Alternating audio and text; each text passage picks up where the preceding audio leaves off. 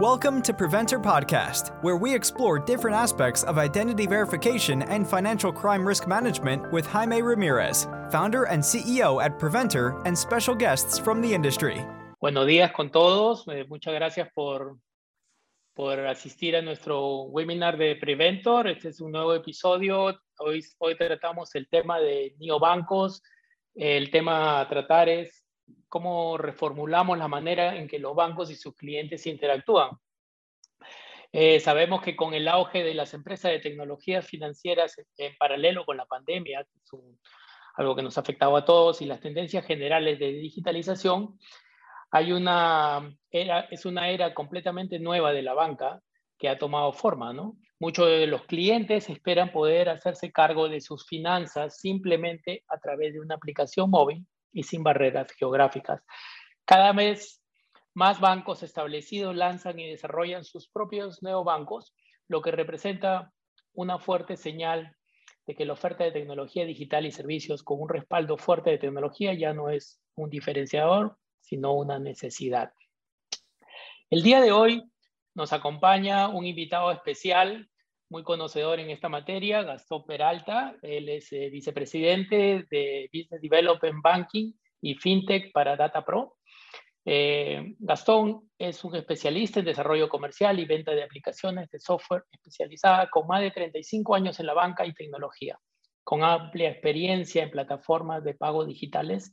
Actualmente Gastón se desempeña como vicepresidente de desarrollo de negocios de DataPro Miami DataPro es una empresa que ofrece una, propuesta completa hacia la digitalización bancaria en apoyo de la mejor experiencia del cliente.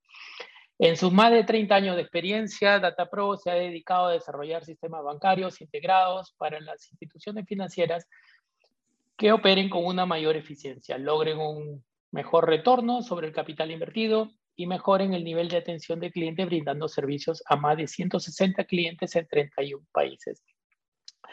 Gastón, buenos días, bienvenido al webinar de Prevento. Eh, gracias por, por asistir. Eh, ¿Cómo estás esta mañana?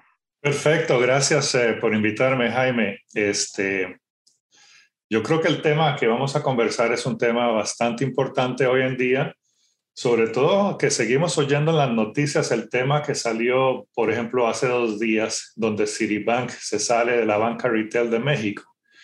Yo creo que los bancos están ya empezando a ver el gran movimiento de, de las fintechs y tal vez los bancos van a empezar a cambiar un poquito su, su, su plan de negocios, donde este, tal vez usen su infraestructura para temas eh, más de, de, de banca corporativa y no tanto de banca retail. De hecho, yo creo que Banamex, este, Banamex Citibank, Citibank Banamex en México tenía o tiene alrededor de 1.800 eh, este, branches. Y la verdad es que la noticia impactó mucho, puesto que este tipo de institución con tantos años en el mercado mexicano que tomen estas decisiones tan drásticas, pues básicamente soporta un poquito lo que vamos a conversar hoy, ¿no? Ayer encontré una, una estadística donde dice un poquito, claro, usted, me imagino que esto es un poquito agresivo en sus números, pero bueno, hay números probados y de hecho la estadística sale en, este, en, la página, les digo, de Financial, de Financial Branches. Dice que la banca en Estados Unidos, y estos son datos muy interesantes, en el 2012 tenía 82.965 branches en todo Estados Unidos. Eh, eso bajó al 2018 a 77 mil y está proyectado para el 2024 a bajar a la mitad y está proyectado, y esta es la parte que es, encuentro que es un poquito agresiva, que para el 2030 todos los branches de la banca estadounidense van a estar cerrados. ¿Qué dice eso? Dice que tenemos que apurarnos con toda la estrategia digital que han empezado varios bancos de hecho, encontré otra estadística que también es impactante, que dice que de todos los bancos en Estados Unidos que han seguido la, el camino, digamos, de la tendencia de digitalización, solo el 18% han podido llegar al final de sus desarrollos. Y son bancos que empezaron mucho antes del 2018, 2017, todavía cuando no había este, pandemia. Y eso, eso también te dice mucho, ¿no? Estamos hablando de que este, si estos bancos este, desde el 2018 están tratando de hacer su, su inclusión al mercado digital y que solo, dije 18, creo que es el 15 más bien, ahora chequeo la estadística, y que solo el 15 lo hayan logrado, también es un dato interesante.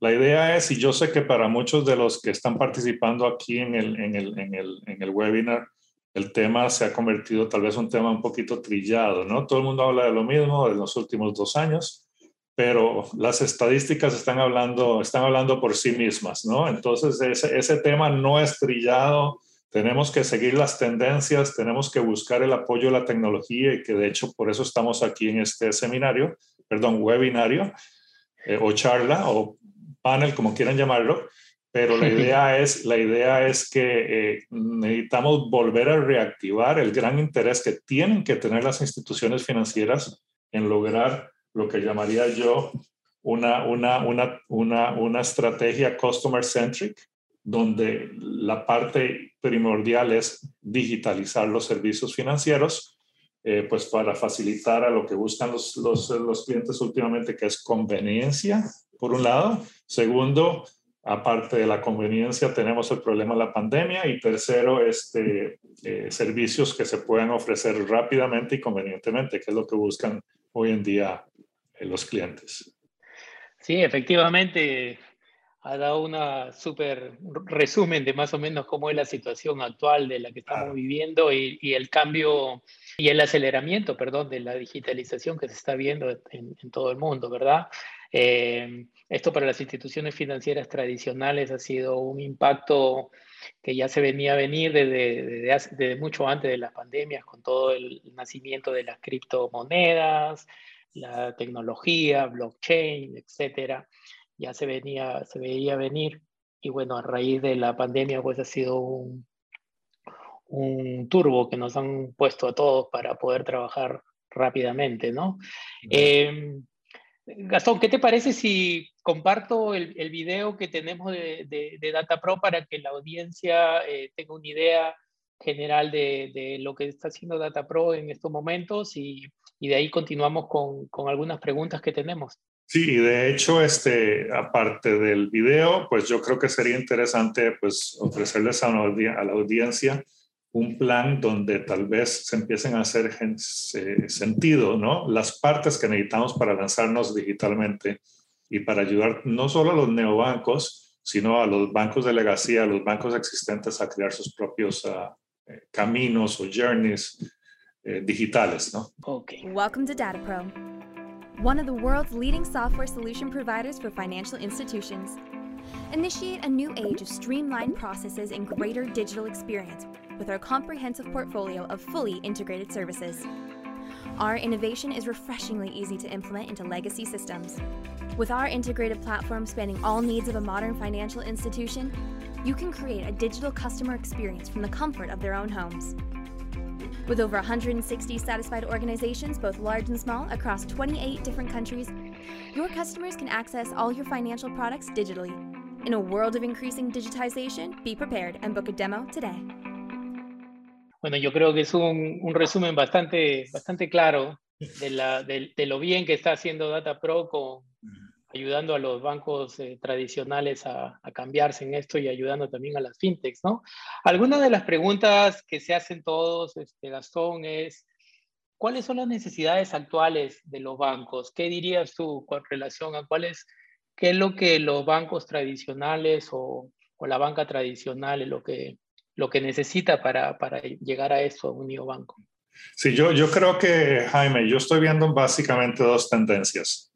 Una es los grandes bancos digitales, los, los, bancos, los grandes bancos tradicionales uh -huh. que se encuentran en el medio de todo este movimiento, digámoslo así, y se encuentran con que su banco es demasiado rígido, tal vez para entrar rápidamente, y, y, y el tema aquí es salida rápida al mercado. O sea, si, si haces un, un programa de digitalización, lo tienes que hacer básicamente eh, dentro de un año, no más de eso, ¿no? Y aún así las estadísticas, como dije anteriormente, donde solo el 15% de los bancos han salido al vivo en, en, sus estrategias. Pero bueno, El punto es el siguiente, el banco tradicional puede tener dos caminos y todo depende del nivel actual de su tecnología.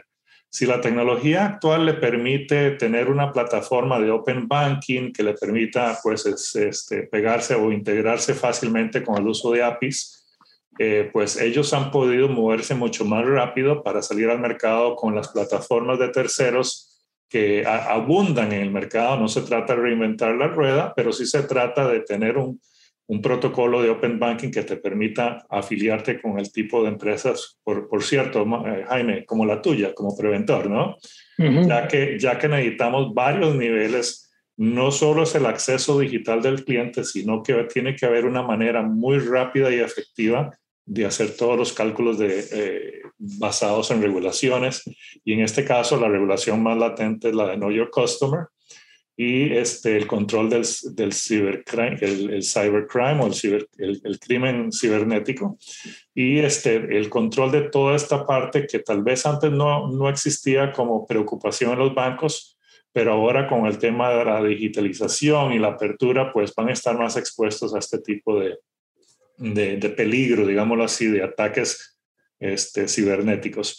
Entonces, yo diría que la banca tradicional que puede contar con un software o con una plataforma integrada de back office que le permita utilizar los protocolos de Open Banking se encuentra en una posición más, este, mm, eh, pues mejor, ¿no? Hay mucho banco eh, tradicional que no tienen ese lujo y por eso eh, sale el tema del famoso los neobancos. muchos de estos bancos optan por abrir un segundo banco y de hecho, este, en el mercado esto se conoce como el efecto speedboat, ¿no? Imagínate un transatlántico que llega a puerto, pero es tan grande que no puede llegar a las bahías o a los, este, o a los distintos puntos que por su tamaño no puede entrar. Entonces lanzan el speedboat y el speedboat es el que llega este, a estos puntos a traer su gente de regreso, ¿no? Esto es lo que es el neobanco eh, eh, para la banca tradicional. Entonces, como te dije, las dos tendencias es banca tradicional que saca un neobanco para facilitar su, su, su business plan o su, o su, estrategia digital, o este, en el caso de las fintechs, ya, ya sinceramente salir ya a competir y a disruptar todos estos bancos, en fin, vendría siendo como, como, como, como te dije, este, si no bajas un speedboat para llegar a los puntos donde llegan las fintechs, no llegas a ese mercado volviendo al punto de terceros y apertura bancaria y Open Banking Protocol, la idea es que un back office, y de hecho esta es la fortaleza que tenemos mucho en Data Pro, soporte todas estas iniciativas digitales y le permita a los bancos, en el caso de nuestros bancos, los bancos existentes, a pegarse con terceros. No se trata que nosotros impongamos un front office, pero sí que ellos tengan la libertad por medio de, de, de protocolos de banca abierta de pegarse con best of breed como te digo, Jaime, preventor, en la parte Know Your Customer, bueno, ahí explicarás más que todo la, el business proposition de, de, preventor, pero la idea es que preventor solo, sin un back office, no sirve y un back office sin preventor tampoco sirve. Entonces, esa es la idea, el, el, el, el poder contar con una nueva, digamos, este, amistad entre lo que son las fintechs y los, y los, y los core bancarios o los, o los bancos tradicionales. Correcto. Sí, eh, o sea, la, forma, la, forma en que ahora los bancos se tienen que comportar ha cambiado totalmente y definitivamente eh, el apoyarse con, con, fintechs que de una manera eh, son más rápidos en, sacar soluciones al mercado, tienen mayor eficacia, digamos, en resultados, debido a que no, no, tienen todo ese peso que tiene la banca tradicional, que son las regulaciones, las auditorías internas, la, burocracia, ¿no? Entonces, y, que se, y que se enfocan en un producto en específico y que, bueno, eh, se especializan en un producto en específico y ayudan a que el banco pues se, interactúe. Eso, eso me, me, me, lleva a la siguiente pregunta de que Claro, la, forma de interactuar de los bancos hoy en día ha cambiado muchísimo, ¿verdad? O sea, el hecho de que la banca tradicional tenía sus oficinas, la banca tradicional tenía el face to face con el cliente, la banca tradicional ofrece ciertos productos eh, y tiene cierta manera, ciertos procedimientos que trabajar. Esto en la, nueva tendencia del trabajo o de las, eh, eh, diría yo, transacciones o la necesidad del mercado y de los usuarios finales en hacerlo todo por Internet, desde un teléfono, desde un, una, una, un iPad, una tableta o de, de mismo browser, hace de que todo esto cambie totalmente, ¿no? Entonces el banco tiene que tener otra forma de interactuar. Ya no solamente es el face to face, sino ahora es atender a todos los clientes por internet. Claro. Y eso, no, y eso nos lleva a, tener todas las medidas de seguridad eh, eh, puestas bien, ¿no?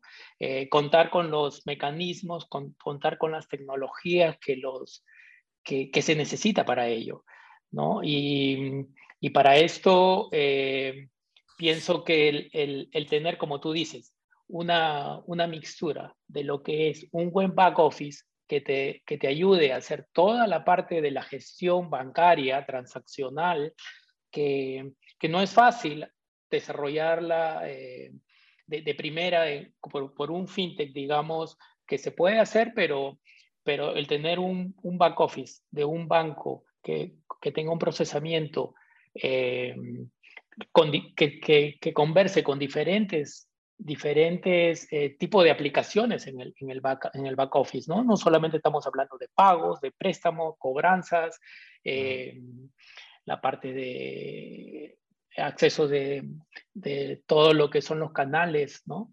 De distribución que tiene el banco, etcétera, ¿no? Eso hace pues que, que, digamos, eh, cuál es una diferencia, ¿no? Latente entre lo que es un banco tradicional y un neobanco, ¿no? Eh, en tu experiencia que, con, con DataPro y con todos los clientes que han tenido, o que tienen, perdón, eh, ¿ves una tendencia grande eh, ahora en el mercado latinoamericano de sacar un neobanco, de, estar, de, de, ser un player más en esta parte de todo lo que es el open banking? ¿Cómo, ¿Cuál es la tendencia en los últimos meses o en los últimos años? ¿Ves que esto todavía es algo cerrado es algo de que está a, a futuro o ya están trabajando en ello? No, de, de, hecho, mucha iniciativa y de hecho eh, en la banca latinoamericana ha salido mucho al mercado todas estas nuevas iniciativas. Este, como te dije, aquí la idea es, es los que contaban con una plataforma abierta del puro principio. De hecho, la mayoría de los core banking systems hoy en día, sus nuevas versiones permiten el protocolo de Open Banking. El problema cuál es? El problema es que en muchos casos el banco tiene que tomar una decisión económica, la cual es, este, pues, tal vez ir a una versión que tal vez ellos no contaban y la pandemia los ha estado empujando a, que, a, que se pongan al día, ¿no? Eh, ¿Qué es lo que llamo poner al día? Muchos de los core banking systems que tenían este, estos, estos bancos pues han estado en versiones anteriores que tal vez no soportaban abiertamente eh, la, la, apertura hacia las APIs y entonces han tenido un pequeño problema donde, donde tienen que tomar la decisión tal vez de, de hacer su actualización actual, perdón, valga la redundancia, su actualización de software eh, hoy en día y este y este entonces poder competir. El problema aquí es, Jaime, que los bancos ahora están en una posición de que si no hacen nada mueren, ¿no?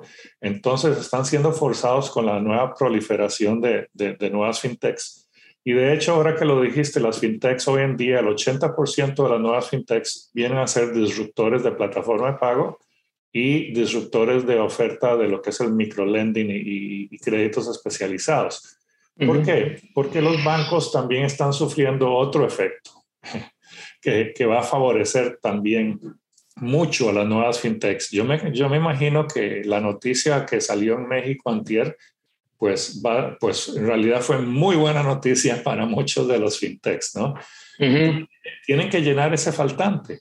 O sea, si salimos de 1.800 eh, eh, branches o, o agencias de, de, un banco tan importante como Banamex en México, este, ¿quién, ¿quién llena ese faltante? Bueno, el faltante casualmente va a quedar abierto para que vengan todas estas fintechs, que tienen una tremenda este, ventaja de que salen al mercado muy rápido y ese es el otro punto de los cores y de los cores bancarios. En el caso de DataPro, Jaime, hemos, eh, hemos visto un faltante tal vez de, de la situación esta donde podemos ofrecer fintech as a service, por un lado, donde solo lo esencial del core va a estar disponible para ellos y entonces van a tener una entrada al mercado muy rápida. En muchos casos estas fintechs no hay migración, eh, cogen cuatro o cinco modulitos y salen muy rápido al mercado y esto lo agiliza mucho la tendencia global actual este, de, de, la nube. ¿no? Hoy en día es muy sencillo contratar un software por medio de una suscripción. Este, no existe aquella pues implementaciones engorrosas donde, donde, donde se, se inclusive se implementaban eh, módulos que tal vez el banco no necesitaba, o en este caso la fintech. Yo diría que los módulos de DataPro que andan por encima de los 30 módulos, tal vez este, el, el Bank as a Service o el FinTech as a Service empaquetado pueda tener cuatro módulos. Entonces no estamos hablando de una implementación este, costosa, Estamos hablando de una implementación de salida rápida al mercado, por un lado, y segundo, lo, básico. ¿Qué es lo básico? Pues para mí lo básico son clientes y contabilidad. Y, alrededor de clientes y contabilidad ya empiezan los productos distintos de activos y pasivos. Y en muchos casos el único pasivo, el único activo eh, son, son puntos muy reconocibles y, y, este, y de salida rápida, como dije, por ejemplo, este, un, software as a service de una fintech puede andar alrededor de cuatro o cinco módulos y estos cuatro o cinco módulos no requieren migración, entonces tenemos la posibilidad de salir al mercado. Vuelvo a decirlo, con la gran ayuda de las tendencias de la nube de hoy en día, Datapro tiene desde el 2011 eh, de haberse lanzado con el modelo SaaS Hoy, encima, hoy en día tenemos por encima de 34 instituciones en, en, la nube y en realidad ha sido pues eh, un proceso muy, muy abierto, muy ágil. Este, usamos la nube, usamos dos nubes, la nube telefónica que tiene nodos en muchos países de Latinoamérica. El back office y el core tiene que por lo mínimo cumplir con ciertas regulaciones, no son las regulaciones exhaustivas de una banca tradicional, pero regulaciones mínimas. Entonces, el hecho de que DataPro esté en todos los países de Latinoamérica y eh, hayan las nuevas, las nuevas este, fintechs ya andan pensando en cuatro países, ya no solo México, estamos hablando que muchas de ellas están hablando de México y Colombia, ¿no? O México, Colombia y Perú. En fin, todas estas posiciones donde vas a tener negocios en todos estos países, pues van a requerir de que el core haya sido un core estable, probado, que cumpla, y esa es casualmente la fortaleza que le veo yo a DataPro en la salida de estas fintechs. De hecho, eh, hoy, el año pasado, cuando muchos de nuestros competidores no vendieron nada o vendieron muy poco, nuestro éxito se, se, se, se basó mucho en lo que es la fintech de pago y la fintech de, créditos especializados, como por ejemplo Factoring en México, ¿no? Las fintechs ayudan, ¿por qué? Porque por medio de su, de su apertura se pegan al, al SAT o a la institución de, de, facturas electrónicas y ofrecen un producto muy interesante en lo que es rotación de facturas a descontar, etcétera, etcétera. Entonces, toda esta parte de créditos basada también en créditos este, alternativos, se pueden llamar así, pero también está el crédito de consumo pequeño de la micro, del microcrédito. De hecho, DataPro este, pues aprendió mucho con su relación con mi Banco Colombia, que es de hecho uno de los grandes bancos de crédito a, a pues microcréditos, ¿no? Y lo interesante de todo esto es que todos estos esfuerzos tienen un valor social y eso pues en realidad debe, debe de, de, de darle mucha este, este, fuerza a, todo lo que son las presentaciones de todos estos business eh, planes de negocio, donde tal vez yo voy a, meterme en, en, una zona o un área donde la gente antes no tenía banco, ¿no? O no tenía manera de pedir un prestamito de 100 dólares a 500 dólares. Tenemos el caso, por ejemplo, del de-risking americano, que me imagino que parte de lo que afectó a Citibank con México. Solo está pasando en México. Ya esto había pasado en todo el Caribe. O sea, el Caribe se queda sin, sin, sin instituciones financieras que presten este, eh, a, niveles, digámoslo, aceptables, puesto que también están los prestamistas, ¿no? Y la idea es que no dependas de solo los prestamistas, sino que tengas una institución financiera que te pueda otorgar préstamos a, a, tasas de interés aceptable, ¿no? Esto desapareció en el Caribe y ahora estamos viéndolo en Latinoamérica, en Centroamérica, Latinoamérica, que es el famoso de-risking americano, donde deciden salirse de estos mercados. Lo que mencionas eh, es parte de lo que es el, eh, el entrar a todo lo que es la inclusión financiera, ¿no? Atender, atender mercados que antes eh, son no bancarizados, gente que, que, que los porcentajes de, de, no bancarizados a nivel latinoamericano es, es, es bien alto. Eh, mercados que tal vez son el mercado, eh, eh, llamémosle no formal, ¿no? En muchos países que operan prácticamente con cash hoy en día, aunque ya en muchos países se está utilizando también que todo este mercado salen algunas este, fintechs donde le ofrecen el, servicio de poder hacer los pagos a través de unas aplicaciones sencillas, tipo Venmo, acá, tipo Sile, que tenemos en Estados Unidos, ellos lo pueden hacer a través de otras aplicaciones, pero eh, es interesante de poder ver cómo la banca está cambiando eh, en todo sentido, ¿no? Lo que tú mencionas eh, y todos los módulos que, que se mencionan de, de, lo que es una banca, digamos, tradicional llevada al Internet, una banca tradicional llevada a, la parte de Open Banking, con la necesidad del usuario final. ¿no? El usuario final no sabe de lo que es una banca, no sabe de, lo que, de, de, todo lo que está detrás. Lo que él quiere hacer es un pago de persona a persona. ¿no? Él quiere pagar al jardinero que viene a hacerle el trabajo y quiere pagarle inmediatamente. Él, él quiere enviar un dinero un giro de un, de un lado a otro lado a un familiar, una remesa, y lo quiere hacer a través de un teléfono y quiere hacer transacciones eh, person to person, ¿no? P2P. Y, y, pero lo, lo, que, lo que hace eh, en este caso eh, la banca, el, el, neobanco, es porque todas estas operaciones, si bien es cierto, parecen de que es de un app y que se transfiere de un cliente a otro cliente, por detrás tiene que haber una institución financiera que es la que respalde todo esto, de que asegure a los clientes de que tienen sus, sus transacciones debidamente hechas y que tienen un seguro detrás y es donde viene toda la parte de las regulaciones que mencionas, ¿no? Esto es súper, súper interesante y, y, me lleva a una pregunta, ¿no? ¿Cómo, cómo haces, cómo, cómo hace en este caso eh, una fintech o un banco tradicional en, moverse a un nuevo banco, pero llevarlo a que sea escalable, ¿no? Escalable en sentido de porque ahora las plataformas en línea te abren diferentes mercados, ¿no? Ya no solamente puedes operar donde estabas limitado a tus agencias, geográficamente tienes ciertas agencias, hoy en día puedes operar en todo el país completo, si es que tienes las licencias para, trabajar eh, en, un, en, un, país. Ahora puedes atender a todo el país sin límite geográfico de una agencia y puedes también operar en la región, ¿no? Entonces, ¿cómo haces que una, una eh, de este tipo de solución sea escalable? Sí, entonces, este, eso es una excelente pregunta. Volvemos al tema cloud. El tema cloud nos permite, pues, básicamente este, solventar todos los problemas que se tenían anteriormente con el tema de los, de los, uh, de la, del geotracking o de la posición geográfica donde tenemos toda la, la, la oferta, digámoslo así, la oferta de negocios.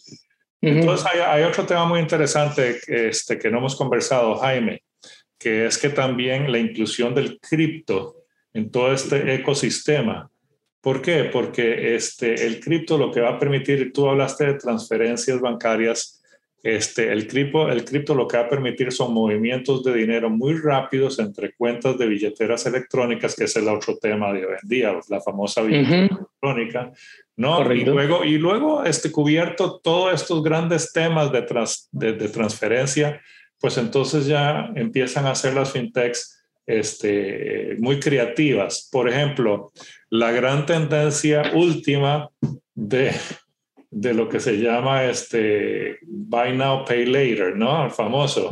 Hay una gran tendencia, todo el mundo habla de eso ahora.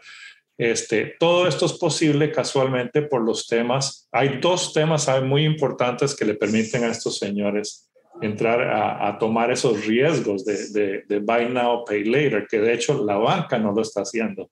Y es, bueno, la banca primero porque creo que sus regulaciones no le permitirían pues tener ese tipo de riesgo en la cartera, ¿no? Pero la otra es que las fintechs se están pudiendo dar esos lujos por temas tecnológicos que no existen en la banca. Por ejemplo, este, el tema de Know Your Customer y el tema de fraude que manejas tú con Preventor es muy importante Después viene el tema de lo que es la administración del riesgo y hoy en día también la gran tendencia viene siendo el análisis de riesgo con motores de riesgo que utilizan datos no tradicionales y algoritmos eh, que han venido siendo probados por estas fintechs. Esto, esto no es la banca, esto es 100% fintech, donde se, se, juntan todos estos señores, eh, crean un algoritmo, un algoritmo de aprobación de crédito que lo prueban junto con este, pues, conocimientos de lo que se llama data science. Otro tema importante, el manejo de la data para conocer a tus clientes. Las fintechs tienen más probabilidad de hacer análisis de data que los bancos. ¿Por qué? Porque las fintechs han tenido la libertad de empezar de cero, no tienen, no tienen ningún, eh, nada de legacía que tengas que arrastrar, ¿no? Entonces, este, el análisis de datos, la utilización de data science, ¿no? de los científicos de data, la creación de algoritmos de crédito, este, pues todo esto permite a la fintech entrar y luego, como te dije, casado con un buen conocimiento del cliente. Entonces, yo diría que la, la, la, regulación más importante hoy en día de las fintechs, ya que en muchos casos no están siendo reguladas como los bancos, es el famoso Know Your Customer. Eso puede crear o destruir una fintech. Una sola mala manzana acaba con la fintech, como ha acabado con bancos grandes por medio de grandes este, penalidades que les, que les dan.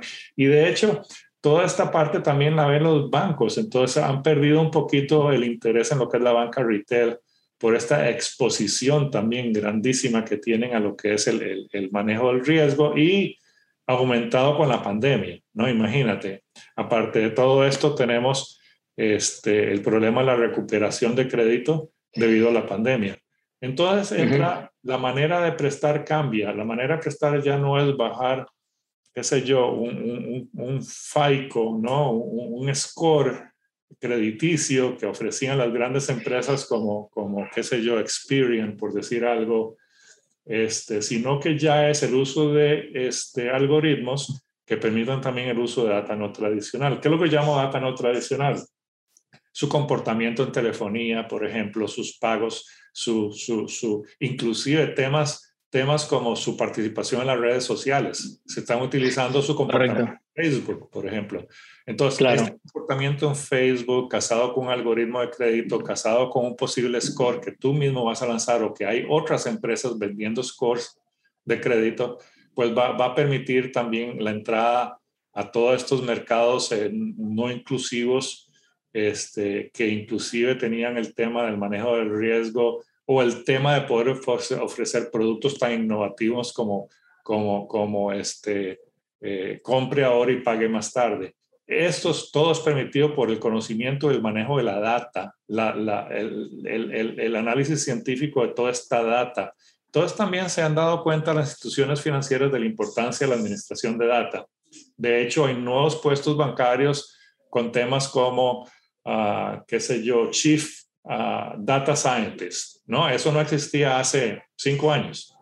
Entonces ahora han visto la necesidad de contratar científicos de data que permitan todo esto. Ahora, ¿qué es la goma que une todo esto? Vendría siendo un core estable con suficiente apertura de, de, protocolos de, de, banca abierta o open banking que permita a fintechs como la tuya pegarse en un ecosistema de manera seamless, o sea, que no se sienta este, la integración, pues va a ser un solo bloque y poder entonces atender todo este tipo de necesidades. Pero vuelvo a decirlo, las piezas importantes son primero el core estable que haya sido, este, eh, digámoslo, tropicalizado en cada uno de los países que vas a actualizar, vas a entrar. Y cuando llamo tropicalizado me, refiero al tipo de créditos que se ofrecen en el mercado, el tipo de vengación de intereses, el tipo de, este, últimamente, por ejemplo, con el tema de la pandemia, el perdonar préstamos, el, prepagar ciertos, o sea, todos estos manejos tienen que ser soportados por, por, el core banking. Y en esta parte de lo que son el manejo de activos es, difícil. Si el core banking no tiene eso, este, eh, pues ya metido, embedded, como dicen en Estados Unidos en, en, en, inglés, este, pues eso hace más difícil todo. Por eso es que yo veo un gran futuro cuando la colaboración de fintech y banca es activa. Correcto. Claro, un punto importante eh, en este compre ahora y pague después este, es el tipo de producto también que se ofrece, ¿no? Me imagino de que todo esto eh, tiene que aplicar a todo lo que es un microcrédito, donde el riesgo no sea tan elevado, donde, como tú dices, él conozca a su cliente, que en realidad él conozca a su cliente empieza desde, desde, un, onboarding, desde un onboarding digital, ¿no? Digamos, desde conocer al cliente, estar seguro quién es, Em, eh, saber que la persona que la que está eh, operando del otro lado del internet, que sea la persona que tú conoces, el hecho de filtrarlo, de tenerle un monitoreo continuo a esa persona, de, de, tener el Know Your Customer automatizado también, o sea, de que, el, que no solamente sea el proceso tradicional, tradicional de Know Your Customer de, de avanzar, de, de, hacer mil preguntas, sino customizado de acuerdo a lo que es cada cliente. Y luego, claro, como tú dices, tener un, un core detrás, un back office detrás que... Ahora, déjame decirte algo, Jaime. Tú tienes que hacer todo eso en milisegundos. Correcto. eso, ¿no? Entonces, este, todo lo que el tema este pues, de los algoritmos y el, todo el tema este de, del Know Your Customer y tal vez el análisis biométrico de las personas en lo que es onboarding digital, pues tiene que hacerse en, segundos.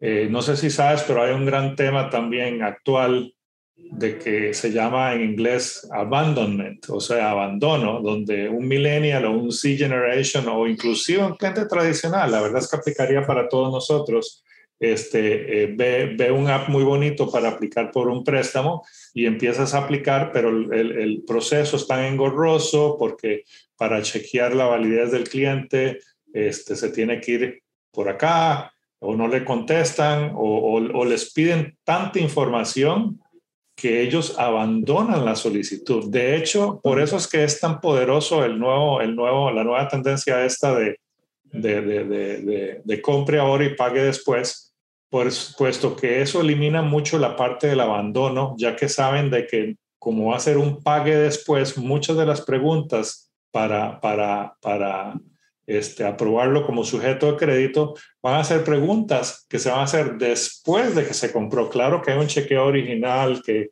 que tal vez con tu número licencia, el pasaporte o, o el número telefónico. La, telefónica, la, la, telefonía aquí se convierte en un factor muy importante, puesto que hay mucho análisis que se puede hacer por medio de la data que colectan las, las, los networks de teléfono, ¿no? Todos los, los grandes proveedores de telefonía.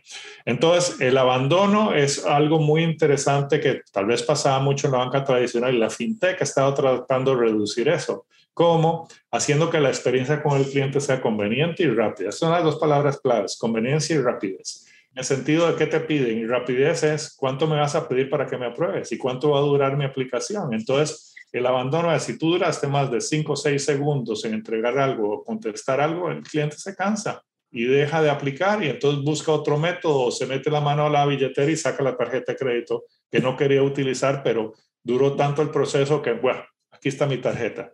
Claro, no todo el mundo tiene ese lujo, pero por eso es que hay que estar este, este, trabajando en la agilidad de todo este proceso.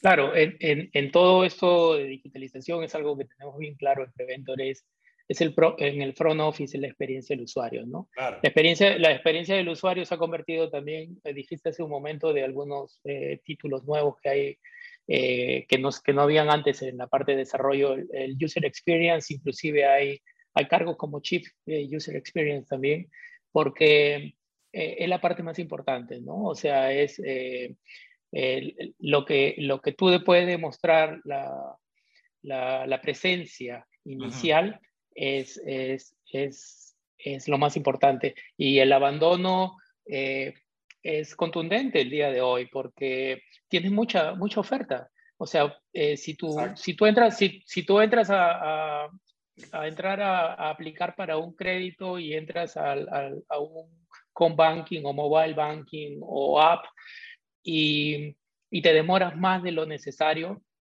es muy engorroso. Tú hablas de milenios, pero este término de milenios creo que ya está como creciendo porque los milenios ahora, este, que, que son los que son rápidos, efectivamente, ¿no? Yo tengo un, uno de mis hijos tiene 13 años y, y en, en, dos segundos eh, puede, puede descifrar prácticamente qué es lo que hace una app. Y, y, aunque no lo creas, es parte de mi quality assurance en, en Preventor, le doy a él el app y le digo, hazlo, ¿no? Y, y si él se demora mucho, entonces entiendo de que eh, la interacción y la experiencia del usuario es mala. Eh, y, y, esto, esto te lleva a que, a que no solamente tienes que tener la seguridad, eh, los controles, sino la experiencia del usuario. Y mencionaste algo muy, muy, muy clave que es eh, las preguntas que le tienes que hacer, ¿no? Entonces, eh, parte de la experiencia del usuario también es, ser, es que tú, tanto tu front office como tu back office sea flexible y que se pueda adecuar de acuerdo, al tipo de cliente, al tipo de fintech, al tipo de banco, al tipo de cliente. Es decir, muchos factores donde tú puedas eh, customizar una plantilla, ciertas preguntas que le vas a hacer a cada cliente y esto va de la mano con el Know Your Customer, con el Know Your Customer Approval, con, lo, con el Compliance Requirement detrás, ¿no? Y que todo esto puede ser efectivo eh, en segundos, como lo hablas, ¿no? Eh, la efectividad realmente eh, tiene que ser simple, segura y, y, entendible, ¿no? Y eficaz, digamos, de que, de que todo pase por un, por un flujo demasiadamente rápido. Eh, Gastón, eh, ya llevamos eh, buen rato hablando de esto, ha sido un, tema muy, muy interesante, de verdad, el, compartir contigo toda tu experiencia que has compartido con la audiencia que nos, nos, nos está presente. Quiero, abrir el, quiero abrir el chat de, de preguntas y respuestas para que los que están, los participantes nos puedan hacer sus preguntas y poder nosotros responderles. Claro. Aquí, aquí tengo una pregunta eh, clave que me, me, me, nos dicen, es importante también mencionar si han trabajado con algunas empresas en el sector de telecomunicaciones eh, y, si están y si estamos interesados en incursionar en estos temas, ¿no?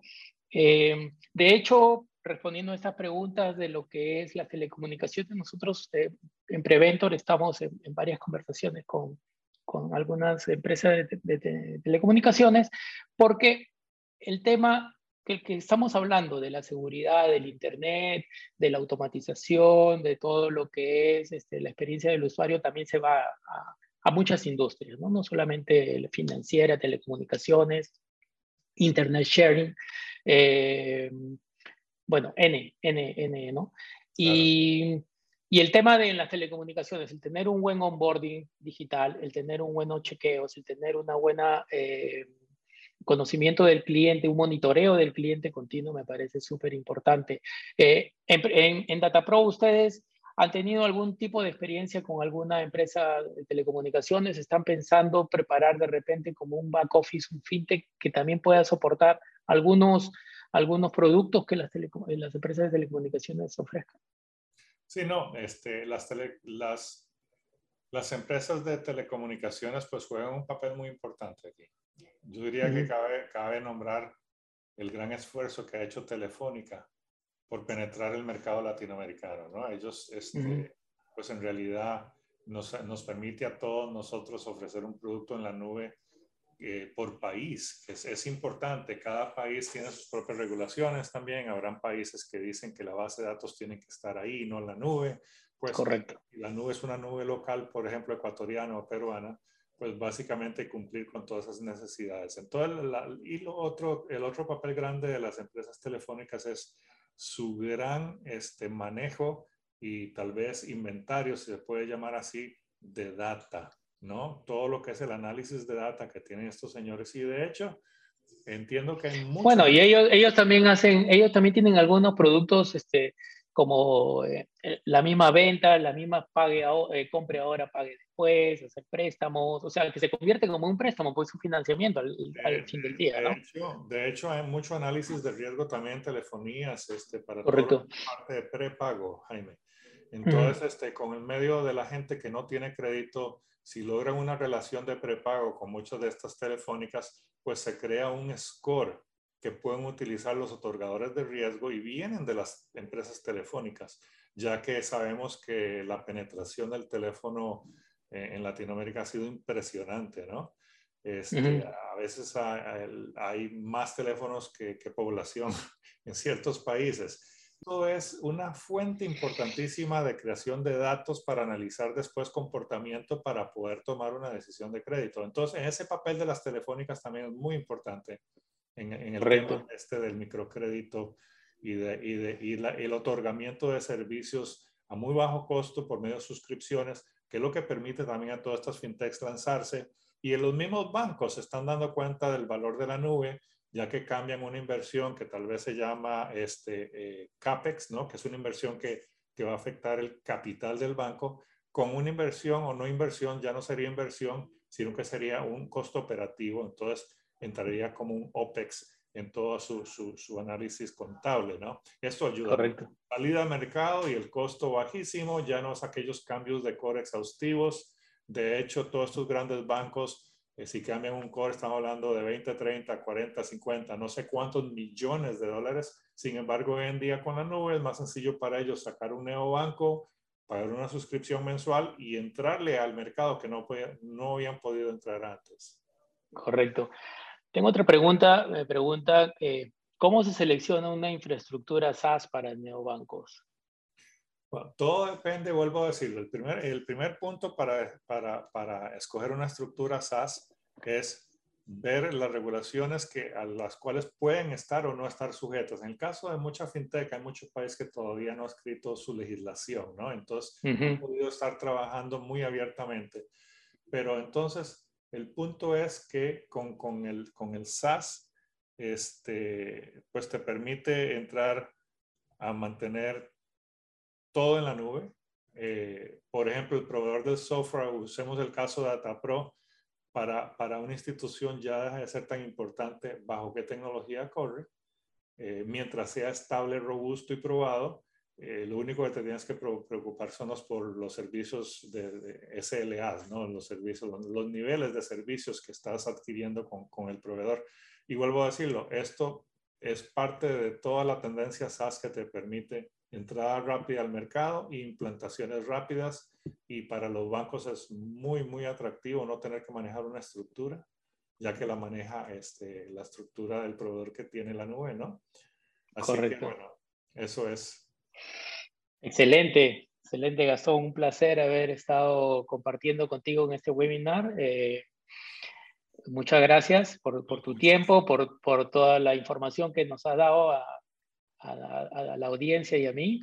Eh, si quieres decir algunas palabras para, despedirnos. Sí, yo, yo diría, Jaime, que para, tanto para ti como para mí sería muy interesante oír el feedback de las personas que participaron porque eso nos va a permitir tanto a ti como a mí de ver qué tema utilizamos para hacer un, un, webinar adicional, ¿no?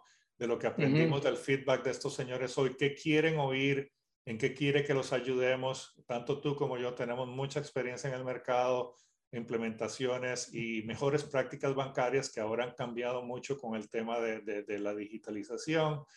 Eh, por ejemplo, cómo hacer un onboarding efectivo, Quizás sabemos que los, los, componentes del onboarding pues van a tener mucho de lo que haces tú, que es el Know Your Customer, la biometría, el análisis del cliente.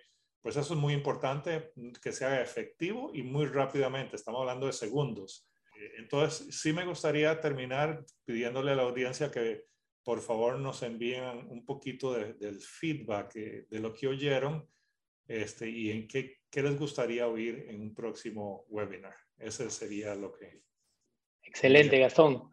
Bueno, muchas gracias nuevamente y nos estamos viendo.